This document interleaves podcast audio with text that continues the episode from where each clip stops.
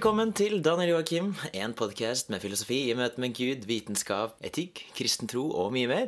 I dag så har jeg fått besøk av en himla ålreit eh, fyr. Han heter Kai Erik Westergård. Han er ateist og helt fersk religionshistoriker, men han skal fortelle om sin vei fra å være tenåring og aggressiv religionshater, medlem av metallband, og han skal fortelle om hvordan han startet på Universitetet i Oslo egentlig for å lære mer om norrøn mytologi og Thor og Odin og disse tingene som han syntes var utrolig spennende, men hvor han i stedet ble utsatt for gammel kirkehistorie som bare grep han fra første stund.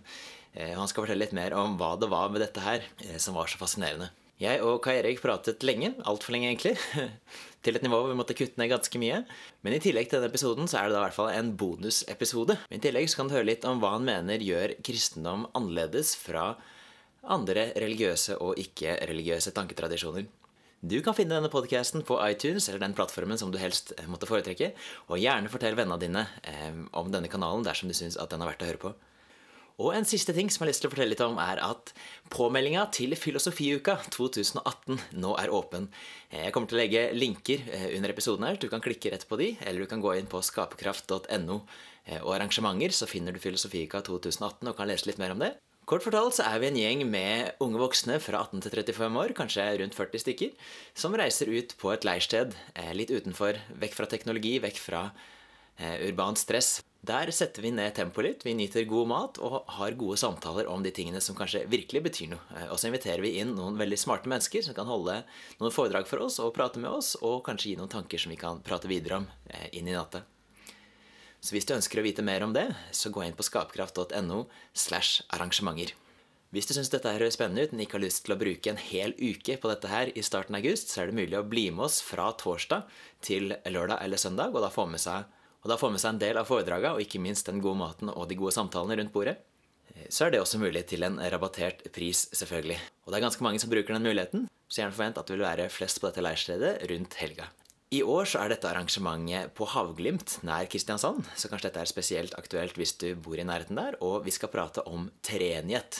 Jeg vet ikke om du syns det høres spennende eller kjedelig ut, men det gir i hvert fall veldig mange muligheter til å prate om de tingene som eh, betyr mest for oss i hverdagen, uansett om du er kristen eller ikke kristen.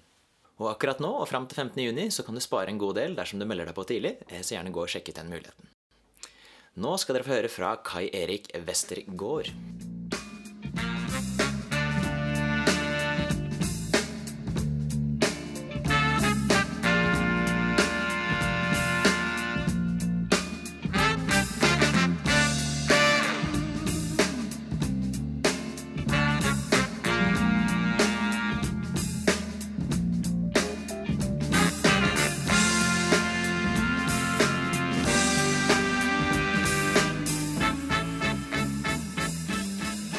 Her med Kai Erik Westergård. Kai er en person med ganske mange jern i ilden. får man si. Han er utdannet religionshistoriker, studerer nå filosofi og idéhistorie.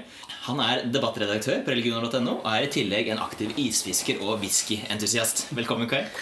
Takk. Veldig hyggelig å bli invitert. Det at du skulle ende opp som religionshistoriker eh, hvis, du, hvis du kunne snakke med deg selv som 15-16-åring, og da glad svartmetaller, oppvokst i en sosialistisk familie, hva, hva ville du tenkt da? Eh, Da tror jeg jeg ville tenkt at eh, noe hadde gått galt på veien. Eh, At jeg hadde slått meg veldig hardt i hodet eller lignende.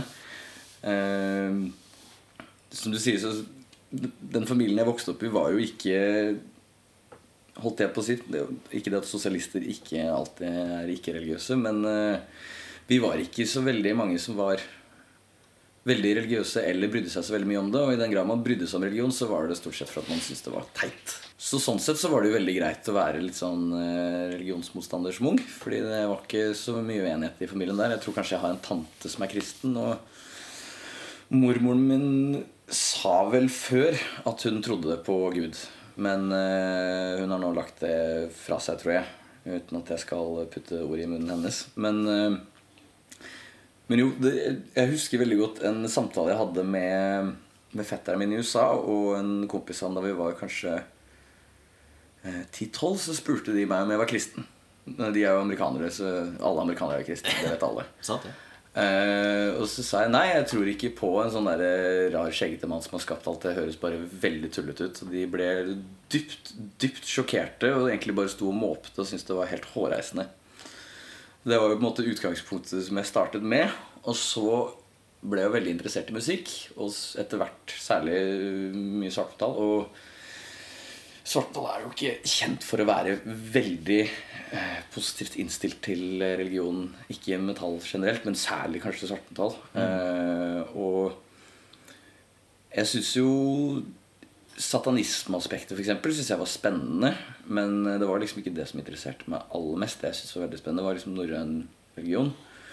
Og det kommer liksom med en sånn myte eller en sånn fortelling da, med mye av den liksom vikinginspirerte svartmetallen om at eh, eh, når kristendommen kom til Norge, så ødela det liksom Det ødela Norge, og det ødela gudene våre, og egentlig så skal vi tilbake liksom til om ikke en norrøn tidsalder, så i hvert fall en liksom tidsalder hvor eh, Hvor det helst ikke er noe kristendom. Ja. Uh, Men du tenkte vel ikke at Thor og Odin var så mye bedre enn den eh, Jave som hadde kommet nå? Nei, det gjorde jeg ikke, men de var mye kulere, da. Ja. Det var de.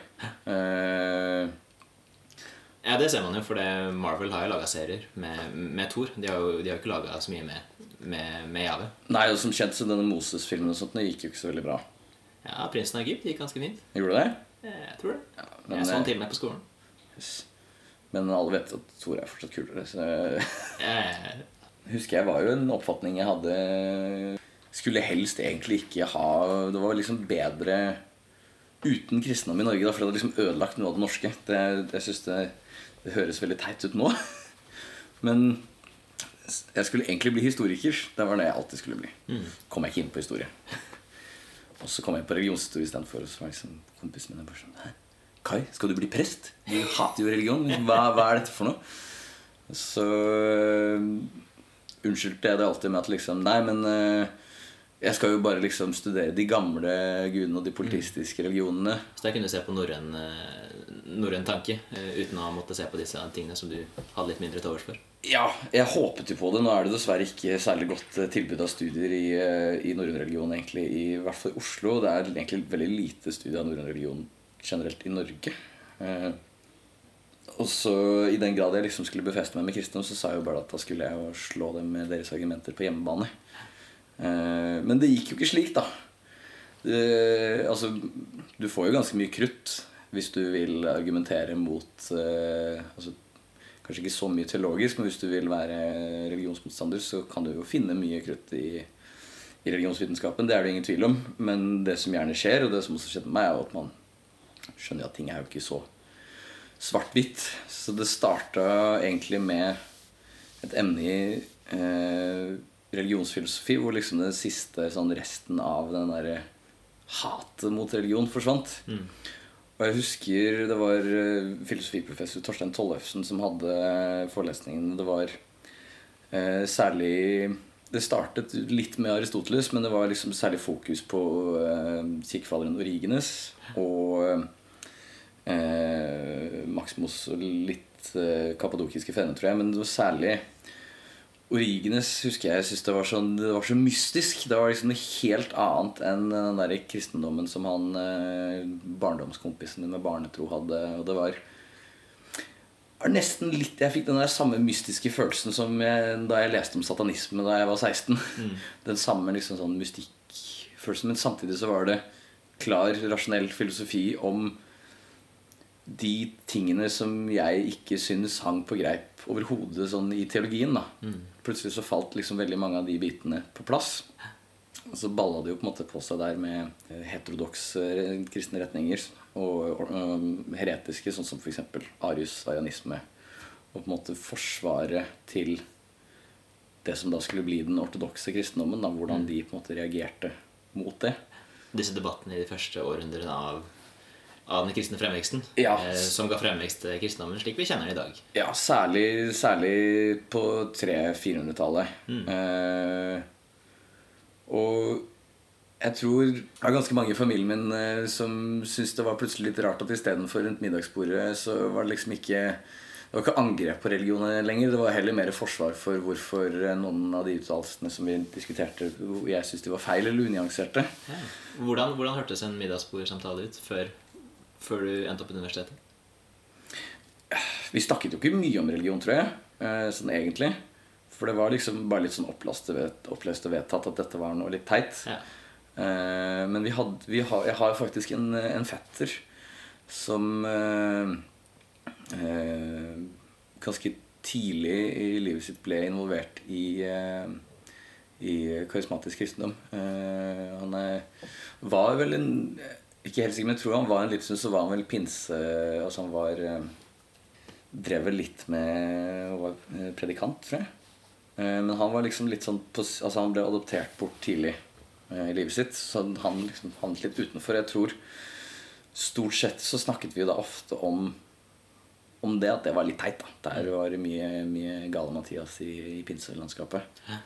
Jeg tror faktisk også det var den siste det siste som jeg liksom svelta av sånn religion er teit, var kanskje pinsemenigheter. For jeg syns de var så rare. Du syns de er litt rare fortsatt? gjør du ikke? Er litt rare, men de er jo så hyggelige. og så er de jo skikkelig flinke til det de driver med. Og det er jo ingen som har eh, Det er få som har mer suksess på religionsmarkedet i gåsetegn egentlig enn pinsemenigheten og karismatisk kristendom. Mm. Globalt, altså. Ja, men de eh, lykkes jo bedre enn veldig mange i Norge, så vidt jeg har eh, forstått. Jeg har inntrykk av det, i hvert fall. Jeg tok jo også et, et eh, annet kurs med Einar Duenger Bøhn om, om gudsbeviser. Og jeg begynte, så har jo arrangert noen sånne gudsdebatter og sånt. Når jeg husker for et halvt år siden eller noe sånt, så sa, faren, nei, sa broren min at faren min var oppriktig bekymret for at jeg kom til å konvertere. Det tror jeg var litt sånn eh, en eh, frykt noen hadde i familien at det, skulle, snart så skulle Kai bli kristen. Men eh, ja, jeg tror middagsbordsamtalene har jo endra seg ganske mye når det gjelder religion. da. Det er litt annerledes, men jeg tror jeg får gjort noe holdt jeg på å si, for å slå litt hull i religionshatboble der òg. Selv om nå høres det jo ut som alle bare hater religion og syns det er skikkelig dritt hele veien. Og sånt, men det Unnskyld eh, ordet. Men eh, ikke helt sånn heller, men stort sett så er det vel ikke veldig positivt. Nei. Men eh, så er det litt sånn med Som jeg innså, da vil jeg si er riktig å si at det er ikke så enkelt at liksom Jeg syns det blir litt rart å snakke om at man hater religion, da. Fordi det, det, det blir liksom litt som å si at man hater politikk, og det fører alt vondt med seg. Det er jo så mange faserte faserte ting, om det er en ting i det hele tatt. At det er litt sånn Jeg syns det blir litt rart å si at man hater religion. Jeg kan skjønne at, uh, at noen gjør det, men det blir også litt sånn hvor, hvor, Hvorfor? Det er jo ikke én, én ting. Det, det henger jo ikke helt sammen. Det kan du si.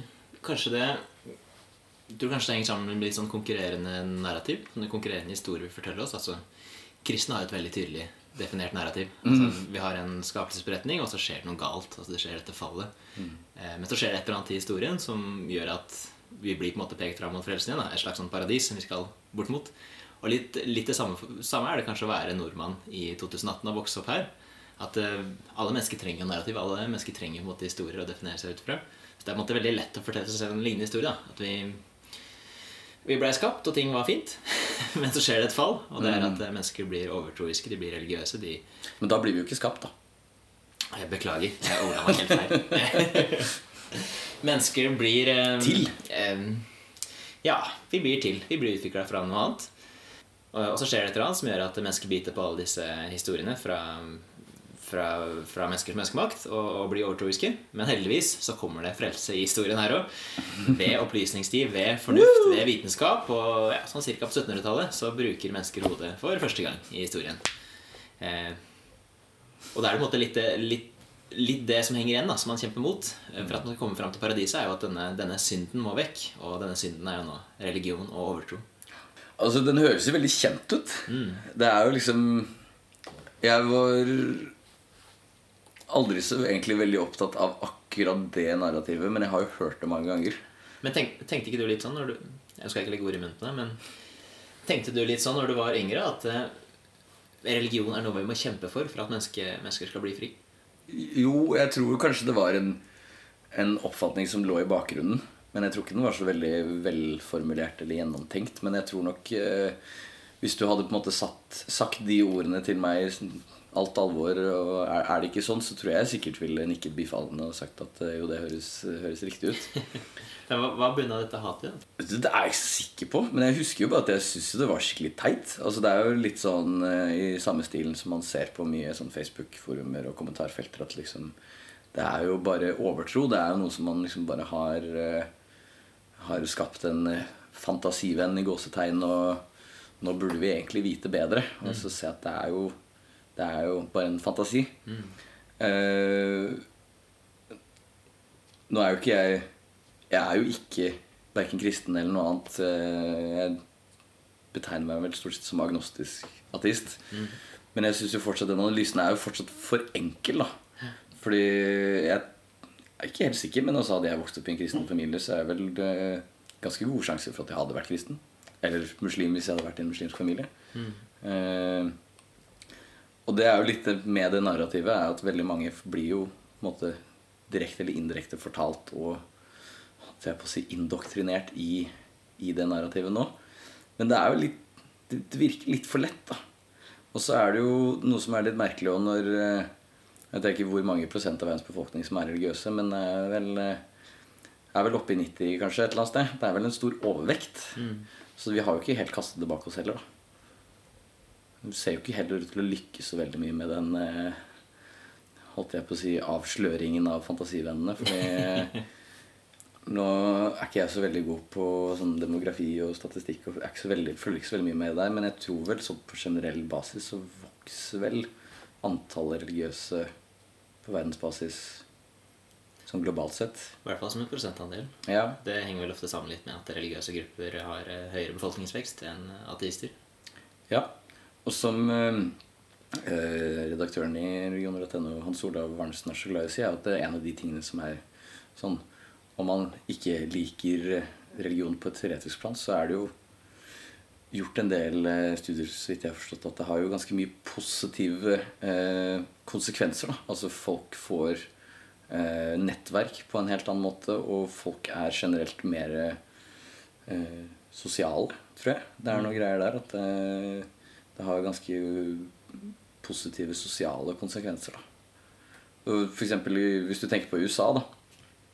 Nå hopper jeg jo litt, eh, men eh, hvis du tenker på integrering, f.eks., så er jo det en litt sånn eh, Tror jeg en litt sånn oversett ressurs, egentlig, der er religion.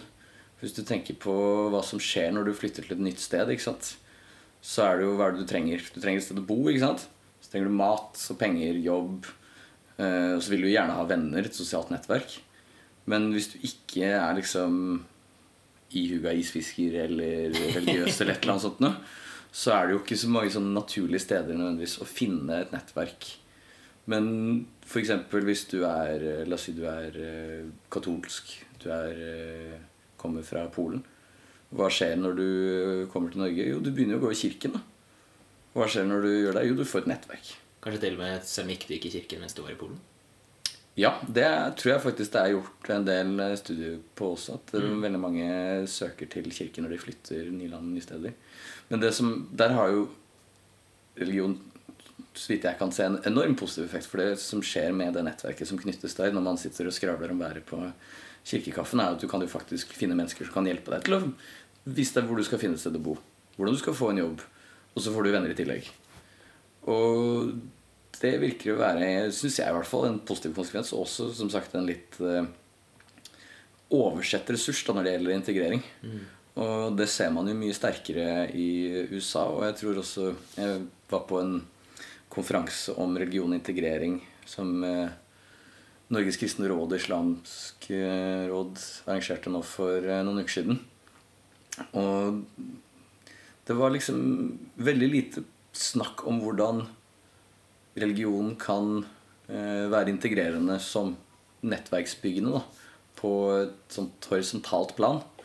Mens det var veldig mye snakk om hvordan skal man knytte opp eh, f.eks. Eh, tro og livssyn til altså, fotballag og litt sånn. Jeg, skjønte ikke helt liksom, hvorfor er det ingen som snakker om dette. Her er, skjer det jo tydeligvis noe, noe bra som hjelper med integrering, men det virker som helt å bare overses.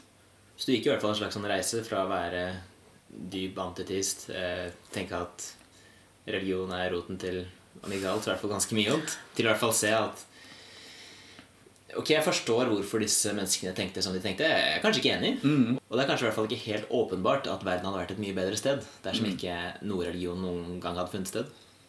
Ja, altså det kan du absolutt si. Jeg er egentlig Nå tør jeg ikke helt å holdt jeg på å si vedde, men jeg tror jeg er litt usikker. Jeg tror kanskje altså jeg tror For det første, jeg tror ikke det er mulig at vi kan eksistere uten religion. Jeg tror mennesker generelt vi vil ha en eller annen form for religiøsitet, hva nå enn det er. Det tror jeg er en uh, iboende del av det å være menneske på mange måter.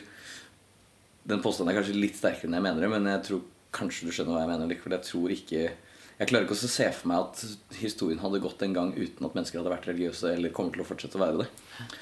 Um, men det var en veldig sånn gradvis prosess. Det var det. Uh, og jeg husker jeg ble liksom av og til litt sånn sint på meg selv, egentlig. Liksom sånn Nei, nei, nei, nå må du, nå må du passe, passe, deg, liksom. Du kan ikke, kan ikke synes at disse rare menneskene er spennende og smarte. Og de, de er jo overtroiske. Men uh, det gikk en sånn veldig gradvis prosess. Og så er det jo noe med det hele begrepet da, religion, som jeg også nevnte til, at det er Det er jo så svært. Det inneholder jo så mye. Så jeg syns det blir rart å, å liksom uh, hate eller kritisere eller angripe hele det De tingene som hele det begrepet rommer, men heller at man kan kanskje da fokusere på ting som faktisk er problematisk. Ja. En, stør en størrelse som er så abstrakt, en størrelse som favner så mye Ja. av de tingene du ønsker å angripe, og de tingene du ikke ønsker å angripe. Ja, og det blir jo litt sånn som uh, istedenfor å så hate all politikk, kan du ikke heller eh, hate det partiet som du ikke liker, eller den enkelte persons Eller ikke hat, det, det er dumt, men kritiser heller da f.eks. det partiet eller den personens meninger som du er uenig i. Mm. Istedenfor liksom hele det store abstrakte begrepet som egentlig er litt uklart å si hva er overhodet. Det, det er jo noe av det vanskeligste egentlig med religion, er hele begrepet. Fordi det har jo du skrevet en del om. Men det er jo Det er jo som egentlig med alle begreper, men kanskje særlig med religion, er jo at det det- er jo ikke homogent på noen som helst måte. Det er jo ikke entydig. Eh, og det er jo kommet til i en unik vestlig kontekst, særlig påvirket av abramittiske religioner og synet på hvordan religion er i, innenfra den abramittiske konteksten. Og det følger jo, slik jeg oppfatter litt grann, på veldig mange måter med hele religionsbegrepet og hvordan mennesker ser på religion. Da. Eh, Du ser f.eks. mange si at buddhisme egentlig ikke er en religion, f.eks. Det er bare en filosofi. Men det er jo, i hvert fall for meg, helt tydelig at det er en religion. Og da blir det litt sånn rart å slå alle de under samme kam. Og det kan, samme kan egentlig si som f.eks. Eh, enkeltvis kristendom eller buddhisme eller islam eller hva som helst. Det er jo et så utrolig mangefasert begrep. Det inneholder jo så enormt mye og enormt mye historie, mennesker, praksiser. Det blir litt sånn fjernt, da, tenker jeg. Det forstår jeg. jeg. Jeg vil nok provosere mange når jeg sier noe sånt som det her. Jeg tenker ofte at religion er rett og slett et uttrykk for noe som ligger i alle mennesker. Nemlig at vi, vi søker eh, Vi søker godhet, vi søker sannhet, og vi søker skjønnhet. Altså, Hvorfor står vi opp om morgenen? Jo, fordi vi, vi har noen prosjekter som vi holder på med, som vi mener at disse er oppriktig verdt å, verdt å følge, som gjør at jeg, jeg velger å stå opp enda en dag. Og de, de prosjektene henger sammen med en viss sånn oppfatning av godhet, sannhet og skjønnhet. Altså, jeg, jeg drar på jobb, eh, og hvorfor gjør jeg det? Jo, fordi jeg ønsker å utrette et eller annet. Eh, og en annen, annen fasett er at jo, jeg gjør det for å tjene penger til å forsørge familien. Alle disse tingene som jeg anser som, som godt. Og over det så bygger jeg også noen slags sånn historier. Vi snakker om i stad at kristendommen har sin skapelsesberetning. Men eh, eh, ja, noen av disse eh, sekularistiske variantene De har på en måte sitt eget sånn narrativ også. En slags sånn eh, himmel som ligger over, eh, ligger over deg selv. Eh, og en slags sånn historie som du bygger deg. Og Alistair McIntyre, en av mine favoritter, sier på en måte at du, du underviser best ut fra historier. Eh, Så det er på en måte derfor det gjerne er så mange historier da, i alle religioner. Men også er historier Det finnes også en del historier for, for, for eh, såkalt ikke-troende. Absolutt. Eh, Det høres jo egentlig ut som eh, vi er ganske på lik linje når det gjelder eh, religionsdefinisjoner, eller hva religion er, sånn i hvert fall ved første blikk. Og jeg, det hørtes ut som en ganske både essensialistisk og funksjonalistisk eh, definisjon du ga nå. Eh, Jeg ønsker både å unnslippe litt av dette vanskelige definisjonsstyret og bare prøve å peke fingeren på hva, hva er det Hva er de mennesker som gir opphav til det, og hvordan ser det ut? Jeg tror jeg vil legge til også samhold til det du sa.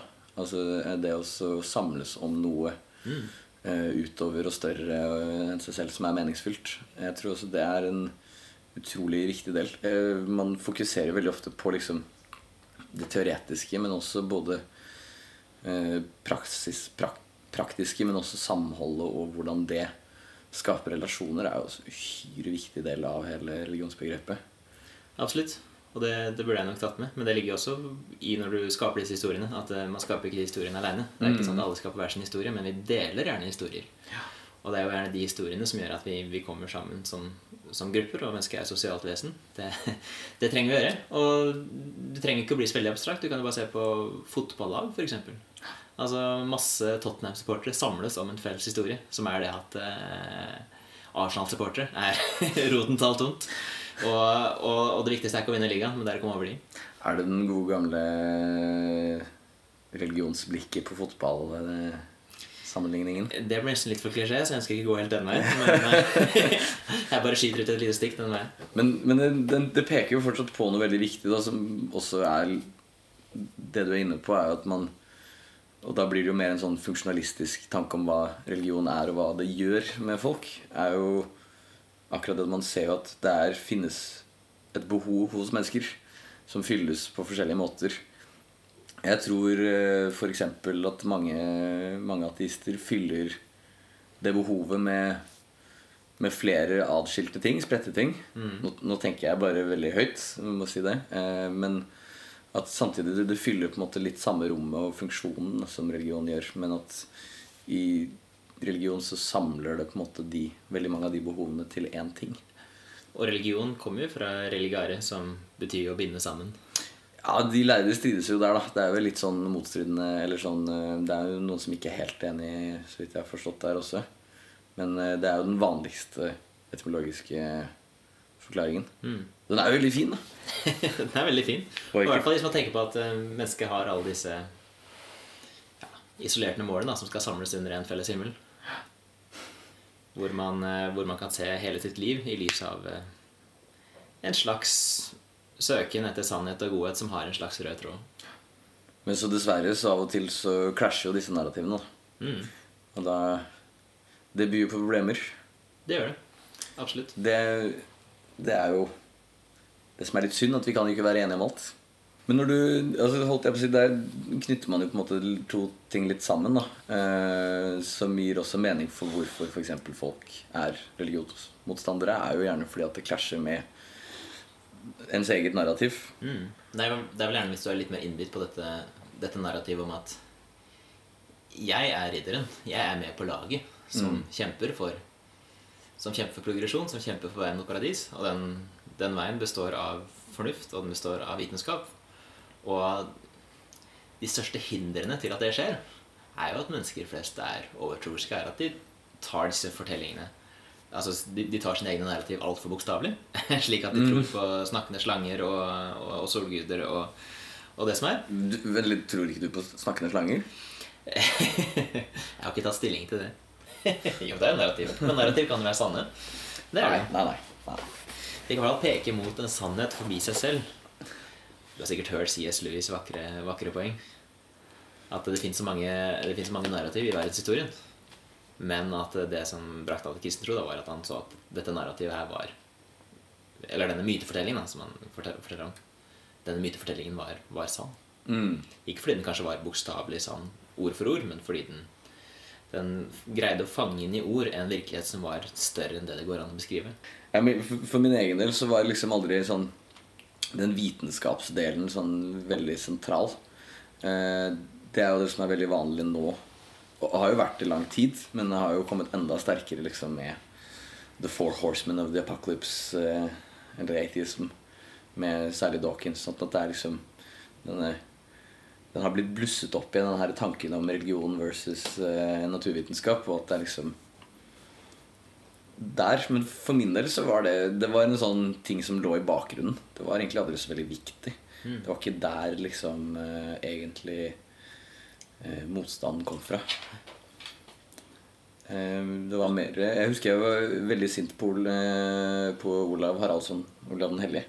Fordi han, han innførte jo kristendom i Norge. Det, det var jo så flott med disse ladejarlene som var hedninger i et eh, nokså kristent Norge. Det var jo så fantastisk. Det er jo så mye kulere med Tore Odin. På den annen side så Det var jo egentlig litt sånn Jeg sier det jo nesten av og til ennå. Kan du ikke legge deg? Kan du ikke legge deg? Jeg husker at jeg skulle i hvert fall ikke skrive om kristendom i masteren min. Jeg skulle det kunne Selv liksom når, når motstanden liksom mot, mot kristendom begynte å fordufte, så var det likevel sånn at Hold det litt på en armlengdes avstand. Det var liksom det var de gamle politistiske Gamle tradisjonene som var mest spennende. Og særlig i norrøn eh, religion. Det var, liksom, det var det jeg skulle skrive om. Så plutselig så holdt jeg på å si dukka Jesus opp. Høres ut som du er på bedehuset på et eller annet sted på Vestlandet. Ja, Jesus kom inn i livet mitt. Ja. Men det Ikke er som en frelser, så i hvert fall som en, eh, som en interessant historisk figur. Ja, eh, og jeg er jo på mange måter veldig opptatt av Jesus, men jeg er ikke egentlig så opptatt av personen Jesus. Det, det jeg syns er mest spennende, er jo Jesus sin resepsjonshistorie hos kirkefedrene. Altså hvordan de eh, skriver om han, og hvordan de ser på han. Jeg har veldig dårlig kjennskap til Bibelen. Jeg synes jo altså det, det mest spennende i Bibelen er jo åpningsprologen i Johannes eh, evangeliet. I begynnelsen var ordet. Det, åh, den er så fin. Hvordan er det i begynnelsen var ordet, og ordet var hos Gud, og ordet var Gud? Se, der har du prams. før så kunne jeg resten av men det har jeg glemt. Men eh, Jeg pugga på gammelgresk. Det var eh, min storhetsperiode. Å nei, den husker jeg ikke. Den eh, Husker du den? NRK Hentologos. Så tror jeg det stopper. Erkje er vel eh, i, i begynnelsen. Altså det. Men det er jo, jeg syns det er et mye finere ord enn eh, eh, enn, eh, i begynnelsen, egentlig. For det er liksom mer sånn i, i det opprinnelige, eller mer nesten opprinneligheten. Det er et eller annet fint med det ordet. Men noe som er spesielt interessant, er jo at du er jo fortsatt ateist, men du er ofte en av de som løfter stemmen sine når det dukker opp dårlig ateistisk kritikk eller dårlig religionskritikk i avisene, som stort sett er det eneste som er. Eh, Hva er din opplevelse av det? Ja, det er jo ofte derfor eh, venner og bekjente ofte liksom sånn har et veldig sånn sterkt inntrykk at jeg har liksom et, et positivt syn på religion, eller at jeg er liksom sånn for snill eller et eller annet sånt. Men jeg vil jo bare si egentlig at det er realistisk. Og det er jo fordi at veldig ofte den kritikken som blir framsatt, er jo veldig unyansert. Altså den eh, Den sparker opp åpne dører og liksom går veldig mye alle veier. At det er egentlig litt sånn Egentlig en helt, syns jeg, en litt sånn u, uinteressant debatt. da Fordi den tuftet på litt feil premisser. Og jeg ble veldig, for eksempel, veldig, eh, veldig positivt overrasket da jeg underviste på en videregående skole i Oslo. At eh, jeg hadde jo egentlig trodd at den type liksom sånn samme type religionskritikk skulle være normen der òg, f.eks. Men jeg ble veldig positivt overrasket at det var et mye mer nyansert syn blant disse 18-åringene eh, på som, hva, er, hva bør religionskritikk være? Hva er religion? Blant vanlig offentlig, på en vanlig offentlig skole? Mm, en helt vanlig altså det, var, det er en veldig god skole, da, så det kan jo være noe der òg. Eh, men jeg ble veldig positivt overrasket. Og jeg vet ikke egentlig hvorfor jeg gjør det. Jeg synes jo det Jeg synes jo På samme tid så syns jeg jo debatten er litt sånn Altså hele den religionskritikkdebatten som skjer i det offentlige ordskiftet, er litt sånn på en måte uinteressant, men samtidig interessant fordi at den er så feil. Eller sånn Feil feil, er feil ord, men altså den Den starter på feil premisser. Den, liksom, den klarer ikke å sikte inn på På noe som bør kritiseres, så blir liksom bare litt sånn svevende, egentlig. Sånn vanlige overskrifter er gjerne fra religion er en parasitt på den verste delen av menneskehjernen, til, eh, til religion hindrer progresjon, religion hindrer fornuft, religion hindrer moralsk fremskritt, religion hindrer naturvitenskap. Jeg tror, jeg tror det er relativt u... Altså ikke så veldig liksom sånn revolusjonerende å tenke at noe av det er jo litt sant. Altså sånn religion og altså ideers makt er jo stor. Eh, Så sikkert hindret noe fremskritt, men også hjulpet veldig mye med fremskritt. Men, og- men det kan man jo igjen sant, si om stort sett absolutt alt. Altså sånn ja, Igjen for å gå tilbake til politikk da, som en sånn sammenligning. Altså sånn Politikk og politiske systemer har jo også sikkert i noen steder i historien hindret fremgang, og så andre steder så har det hjulpet fremgang. Ja.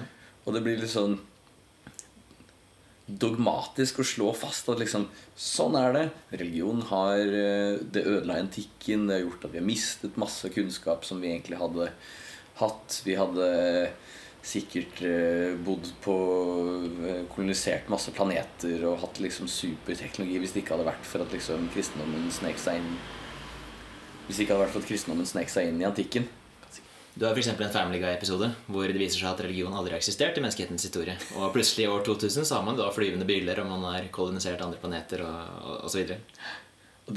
Altså, for det første så er det jo utrolig spekulativt. Altså, vi, vi kan aldri Vi får ikke testet den påstanden eh, sånn direkte. Det går jo ikke. Eh, vi kan ikke skru tilbake tiden. Og så er det jo noen problemer med den nå, da. Eh, og det er jo for at man kan jo flere steder liksom påvise at religion har hjulpet fremgang mange steder. Eh, og sikkert hindret. Altså det sier jo seg selv om liksom Alle menneskelige fenomener er jo på den måten. Og det blir veldig rart, syns jeg, å liksom slå fast at hvis det ikke hadde vært for denne ene tingen, så liksom hadde vi alle vært lykkelige, og ingen hadde sultet, eller vitenskap hadde liksom vært fem eller 1500 år eh, lenger fram i tid. Det sånn Det henger jo ikke på greip. For du kan jo flere steder liksom se på f.eks. Eh, når det gjelder eh, spredning av teknologi, f.eks. Og dette er et sånt argument som jeg stusser litt over at ikke flere eh, trosforsvarere benytter. er jo at f.eks. Kloster. Klostre, altså sånn Når det dukker opp klostre rundt omkring i verden, så, så ser man jo det at særlig f.eks. landbruksteknologi spredde seg jo veldig. Altså det hjalp jo enormt med å spre eh, landbruksteknologi, som gjorde at det ble bedre i de landene hvor man da hadde disse klostrene, f.eks. Det, er jo, det bidrar til fremgang. Så kan man selvfølgelig påpeke at andre ting har kanskje hindret det. Men det å slå fast liksom den ene eller den andre veien blir jo bare unyansert. Altså, du treffer jo ikke målet fordi det blir bare svevende og rart. Holdt jeg på å si Som religionshistoriker jeg er glad i å si, det er jo at religion er jo ikke én ting. Det er ikke én ting som er sånn eller sånn eller sånn. Og jeg tror egentlig det er kanskje det viktigste som jeg har tatt med meg, og som også har gjort at jeg har endret syn på hva religion er, er jo at det er ikke én ting. Det er ikke noe du kan liksom slå fast sånn eller sånn, eller den er ikke iboende god eller ond, eller Mange kanskje mener at den er iboende god, og mange kanskje mener at den er iboende ond, men den, den er jo ikke en sånn type ting som er sånn. Hvis det gir mening.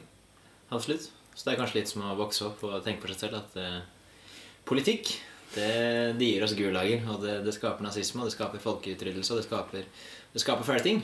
Uten å ha det perspektivet om at det er forskjeller på politikk, og at eh, det også også på den andre sida har gitt oss eh, utdanning for alle og helsetjenester og, og infrastruktur og mye av dette andre.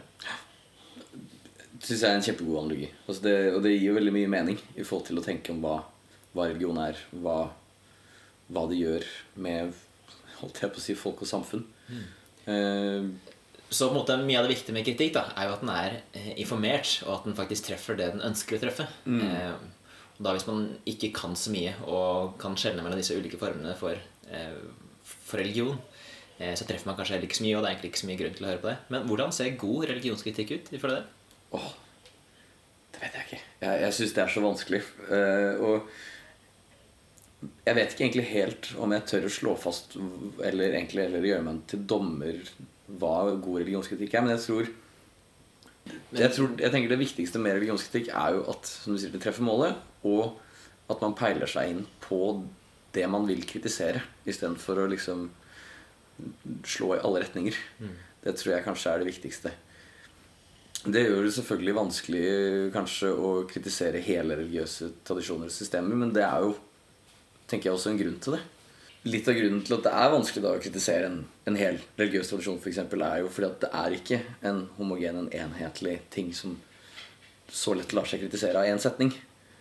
Og det tror jeg kanskje er bra, men det gjør at man må være mer presis og mer nyansert.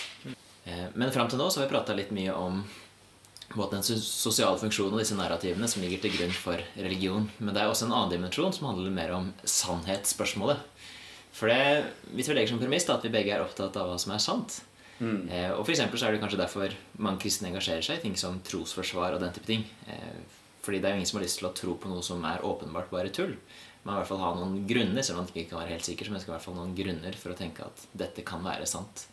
Eh, Hva tenker du om kristen trosforsvar, litt sånn utenfra et perspektiv? Altså Jeg syns jo at politikk egentlig er veldig spennende. Eh, og det henger jo ganske eh, nært knyttet opp til religionskritikk, selvfølgelig. Fordi det er på en måte litt andre siden av banehalvdelen. Eh, og selvfølgelig, siden jeg da ofte syns at mye en del religionskritikk er dårlig, så er det jo også da spennende å se på en måte hva er reaksjonene som kommer mot. da Og det er jo da gjerne selvfølgelig politikksiden. Men apologetikk er jo også selvfølgelig veldig Altså det har jo mye med teologi å gjøre. Og teologi er jo moro. Sies det i hvert fall. Du vet jo litt om det, du. Ja, lite grann. Jeg har i hvert fall noen eh, eh, Ti studiepoeng i teologi, i hvert fall. Ja. Men eh, nei, jeg syns det er veldig spennende, og så er det jo Det er jo noe med det at da får man jo en litt mer sånn spisset forklaring på hva er det man tror på, og hvorfor man tror på det. Eh, men det som er på en måte spennende med med holdt jeg på å si trosforsvar, er at det, blir jo litt sånn som med filosofi at man eh, man har noen eh, problemer eller paradokser som man prøver å løse. Og da er det jo veldig spennende å se hvilke løsninger som kommer fram. Og ikke minst når det kommer til politikk, så er det jo får man jo også sett litt eh, alle disse forskjellige fargene og nyansene som fins i kristendom i Norge. Og for så vidt også i islam i islamsk politikk. Eh, jeg vet ikke, Det er jo gøy å høre hva folk tror på. Og hvordan de vil eh, forsvare og begrunne det de tror på. Jeg syns ofte det er mye god apologetikk. Altså sånn som du eh, nevnte tidligere i samtalen, at eh, man kan, eh, selv om man ikke nødvendigvis er enig i hva mennesker, ja, andre mennesker tror på, så kan man få en forståelse for, for det de tror på, hvorfor de tror på, og tenke at eh, man har gode grunner for å gjøre det. da en veldig positiv overraskelse var jo at det var jo ikke bare jeg som syntes dette var spennende.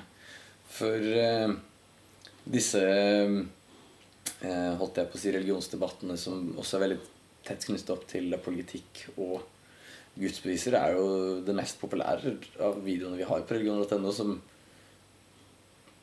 overrasker meg og også Hans Olav ganske mye. At liksom en samtale om ingenting er det mest populære.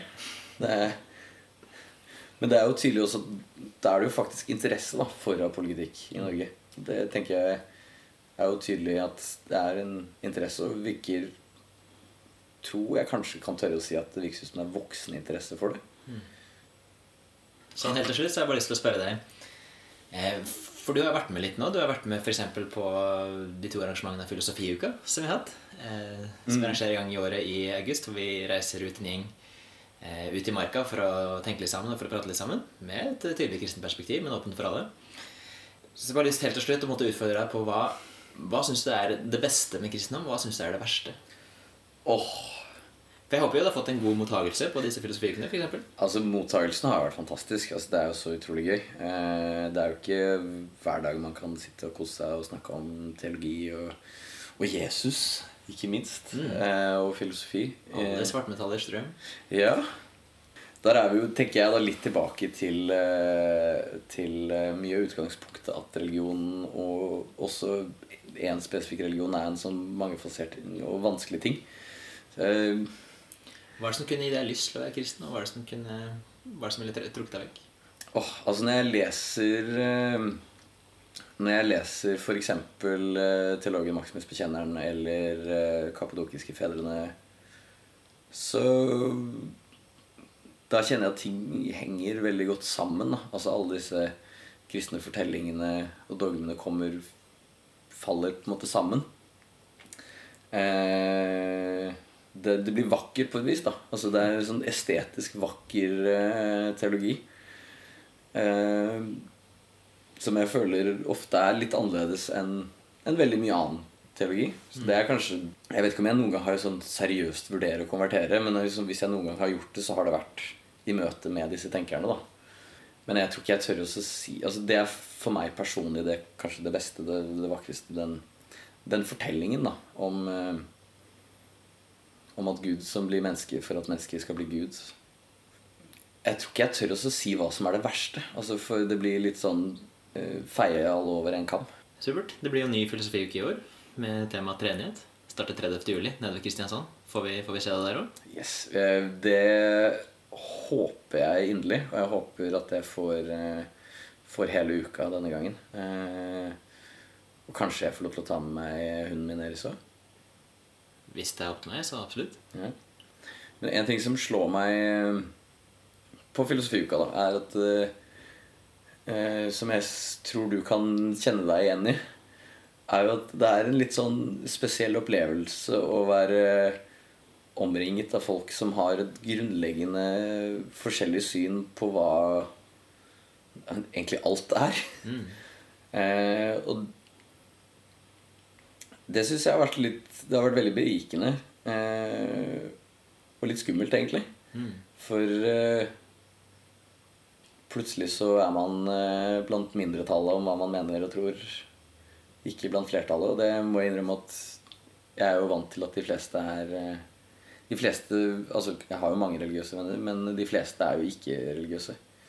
Eh, det er en veldig spennende opplevelse, men også utrolig interessant. Fordi det er jo så gøy å høre om hva folk som ikke mener det samme om deg, mener, og hvordan de har kommet fram til det, hvorfor de mener det. Uh, generelt veldig spennende med folk som mener noe annet enn deg. Det er litt sånn kjedelig å sitte og snakke med folk som mener akkurat det samme som deg. Mm. Så helt til sist så tror jeg egentlig det bare gjenstår å eh, si tusen takk. Det er eh, alltid en glede å prate med deg, Kai Erik. Takk, Daniel. Og så kan jeg jo bare slenge på at det hadde jo vært veldig hyggelig å se noen andre ateister inni så jeg ikke er helt alene til neste år. Hadde jeg satt pris på. Ja. Ateister, muslimer, sikher, eh, egentlig hva som helst. Eh, hjertelig velkommen så lenge dere lover å bli konvertert i løpet av uka. Ja, ja for det, det har dere lyktes med meg, da. Vi har ikke lykkes, men Å! jeg klarer ikke å komme med comeback.